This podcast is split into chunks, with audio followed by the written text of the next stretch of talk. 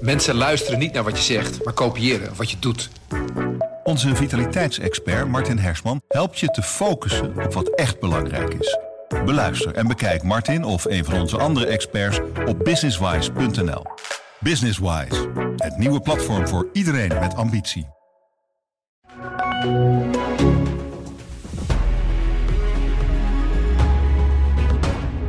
De Franse justitie is een onderzoek gestart naar een vooraanstaande gynaecoloog uit Parijs. Hij wordt namelijk verdacht van verkrachting.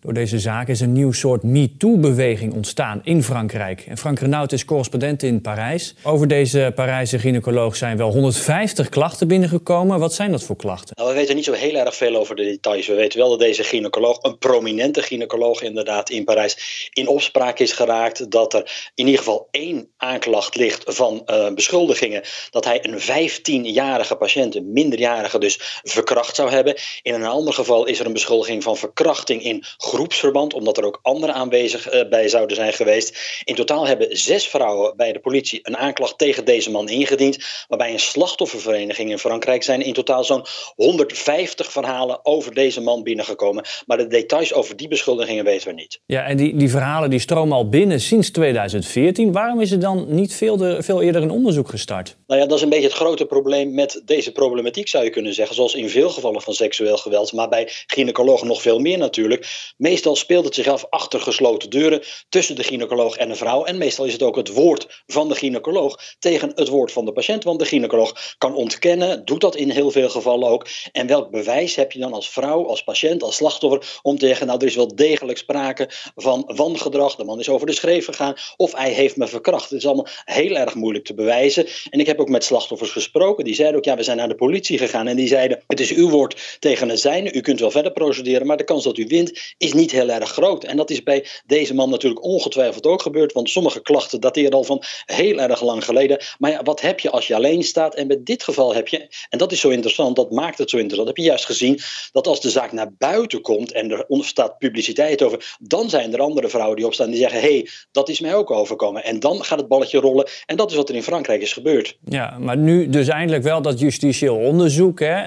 En toch mag deze man nog blijven werken. Hoezo wordt hij niet geschorst? Nou, daar is heel erg veel ophef over in Frankrijk vanzelfsprekend. Hè, want de man, de betreffende gynaecoloog in Hôpital Tenon in Parijs, die uh, is wel uh, uit zijn functie gezet als afdelingshoofd. Dan als hoofd van de gynaecologische afdeling in dat ziekenhuis. Dat is hij nu niet meer. Maar hij mag wel inderdaad gewoon zijn vak blijven uitoefenen. Dus hij heeft nog steeds consult als gynaecoloog. Hij ontvangt patiënten dus ook. En uh, hij voert ook nog steeds operaties uit als gynaecoloog. en het verweer van het ziekenhuis is ook logisch natuurlijk, zou je kunnen zeggen. Want die zeggen ja de man is nog niet veroordeeld. Er zijn alleen beschuldigingen. En zolang je nog niet veroordeeld bent, ben je ook niet schuldig. Hm. Er wordt morgen gedemonstreerd hè, tegen seksueel geweld in het algemeen. Maar uh, gynaecologisch geweld in het bijzonder. Gaat de Franse politie en justitie nu eindelijk in actie komen? Nou ja, daar lijkt het eigenlijk nog niet op. Het balletje is nu gaan rollen. Rolt een aantal weken, zou je kunnen zeggen. Er is heel veel maatschappelijke ophef over. Er zijn wel politici die zich erover uitlaten. Morgen is er dus inderdaad een grote demonstratie tegen seksueel geweld. Waar die slachtoffervereniging van gynaecologisch geweld ook voor het eerst als groep in meeloopt. Maar politie en justitie komen nog niet echt in beweging. Wat wel gebeurd is, het is het college, het Nationaal Frans College van Gynaecologen. Die zijn wel in actie gekomen. Die hebben een soort handvest opgezet. Dat zijn twaalf gedragsregels regels op papier, de gedragsregels waar gynaecologen zich aan moeten houden. Ze mogen bijvoorbeeld geen inwendig onderzoek doen zonder dat aan te kondigen bij de patiënt als die al in de stoel ligt. En de vrouw moet altijd vooraf mondeling toestemming geven. Nou, dat staat op papier. Die papieren moeten overal in Frankrijk op de wachtkamers komen te hangen, in de wachtkamers komen te hangen. En dat is in ieder geval, zegt die slachtoffervereniging, een eerste stap vooruit. Een heel voorzichtige, maar wel een eerste stap. Frank Renaud, dankjewel. Mensen die niet gevaccineerd zijn ervaren steeds meer mentale problemen. De afgelopen maand zijn antivaxers zich eenzamer gaan voelen, maar een prik is voor velen geen optie. Dat blijkt uit onderzoek van het AD en Eén Vandaag. Verslaggever Marcia Nieuwenhuis, waardoor is de mentale gezondheid van ongevaccineerden juist de afgelopen maand verslechterd? Nou ja, je ziet dat het op veel mensen impact heeft dat die QR-code er is gekomen. 29% eh, van de mensen zegt dat ze daardoor minder contact hebben eh, met anderen onder de gevaccineerden. Maar Wat bij de ongevaccineerden ook nog een rol speelt, is dat ongeveer 32% van de mensen die geeft aan dat ze eigenlijk anderen uit de weg gaan doordat ze uh, conflicten willen mijden over dit, uh, deze hele discussie. Want als je, als je even teruggaat naar die QR-code, eh, is er ook nog een verschil tussen de welgevaccineerden dan? Waren die nog mentale problemen? Ja, je ziet echt een groot verschil tussen die twee groepen. Uh, bijna twee keer zoveel uh, mensen onder de ongevaccineerden is zich de afgelopen maand slechter gaan voelen. Terwijl dan, dan, bij de gevaccineerden. op de vraag hoe het staat met hun mentale gezondheid, zeggen ongevaccineerden ongeveer 40% dat die achteruit is gegaan tegen 24% van de mensen die gevaccineerd zijn. Dus dat is echt een, ja, echt een groot en significant verschil.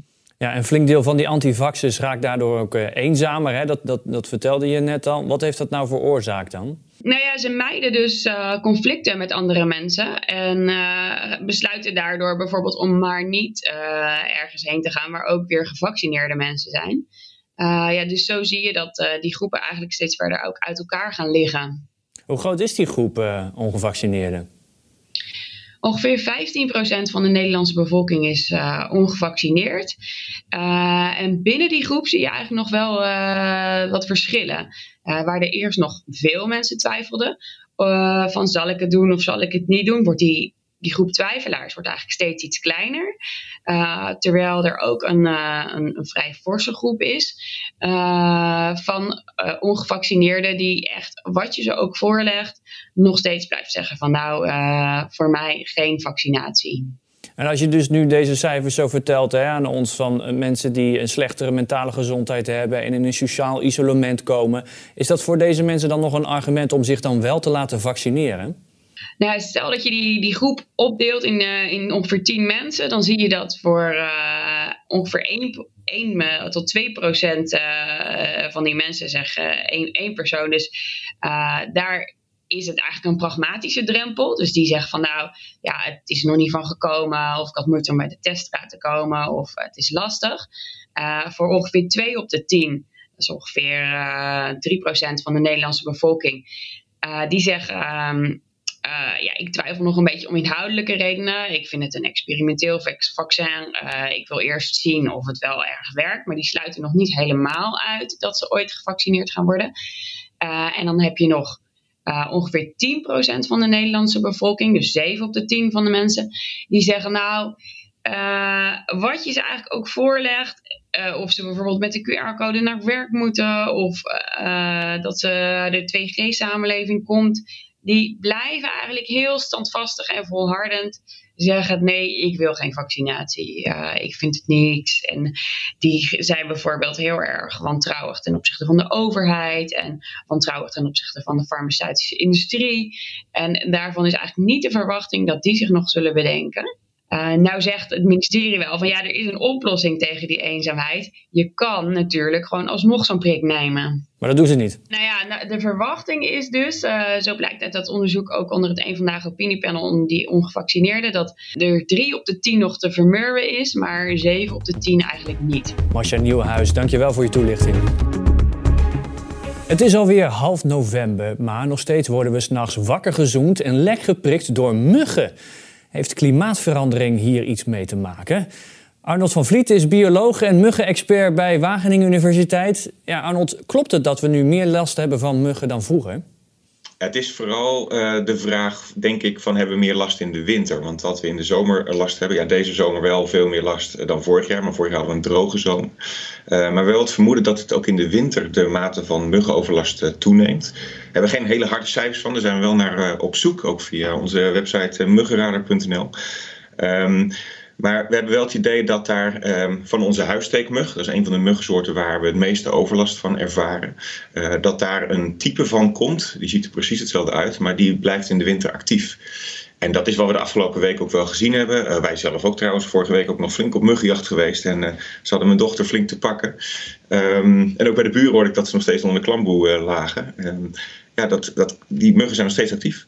En die muggen in ons land, worden die dan ook gevaarlijker door de opwarming van de aarde? Ja, um, tot, nu was, tot nu toe was het zo dat je niet ziek kon worden van een uh, muggenbeet. Zoals bijvoorbeeld in tropische landen of in Zuid-Europa. Vorig jaar hadden we helaas voor het eerst het West Nijl-virus. Die wordt overgebracht door gewoon, of kan overgebracht worden door onze uh, gewone huissteekmug. Uh, dit jaar is die niet aangetoond, gelukkig. Dus laten we hopen dat dat uh, weer wegblijft. Maar door de stijgende temperaturen uh, heeft dat virus wel steeds meer kans. en daarnaast is er nog een, ja, een, noem het een dreiging van het opkomen van meer tropische muggensoorten, zoals bijvoorbeeld de tijgermug. Um, tegenwoordig zien we ook al zonder klimaatverandering dat die steeds verder naar het noorden komt. En inmiddels is ons land ook geschikt voor de tijgermug. Uh, maar daar zit de overheid nog wel vol bovenop om die te bestrijden op plekken waar die wordt aangetroffen, bij bandenbedrijven bijvoorbeeld. Maar de meeste overlast is toch op dit moment echt nog gewoon uh, de huissteekmug. En dus helaas ook uh, ja, de molestestype die dus in de winter uh, ja, actief blijft. Ja, je collega Bart Knol is entomoloog en die adviseert om alle muggen die je, die je tegenkomt dood te slaan. Is dat ook jouw advies? Ja, bij mij uh, overleven ze het ook niet als ze in de buurt komen. Um, dus alleen nog voor eigen belang uh, kan ik uh, aanraden inderdaad om die muggen dan te verwijderen. Veel muggen die nu trouwens de huizen inkomen, dat zijn muggen die gewoon een winterrustplek zoeken. Um, die zijn over het algemeen niet zo actief, dus die, die zitten er ook nog tussen op dit moment. Die gaan de schuurtjes in, de kelders in, inderdaad een wat koelere plekken in huis. Um, maar ja, ik zou zeggen, inderdaad, als je de kans krijgt, haal ze weg. En mocht je overlast ervaren, of ook als je niet, geef dat even door uh, bij ons op muggenradar.nl. Dan hebben wij gelijk uh, materiaal voor ons onderzoek. Want ja, hoe kunnen we ons het beste wapenen in de toekomst tegen die muggen?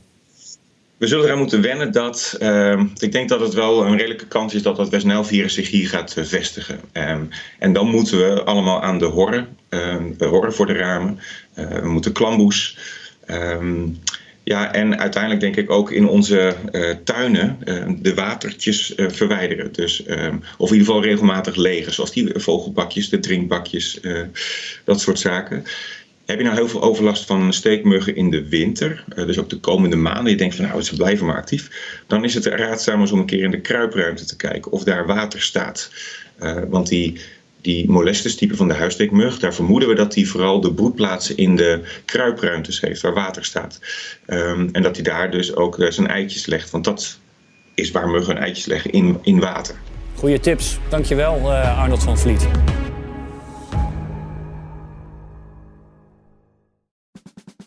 Luister ook naar onze podcast Politiek Dichtbij. In een half uur praten we hierbij over de stand van zaken op het Binnenhof.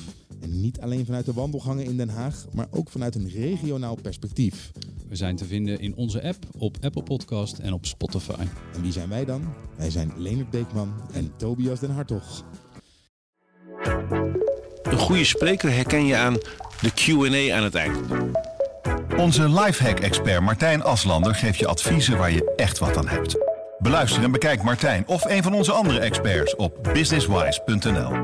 Businesswise, het nieuwe platform voor iedereen met ambitie.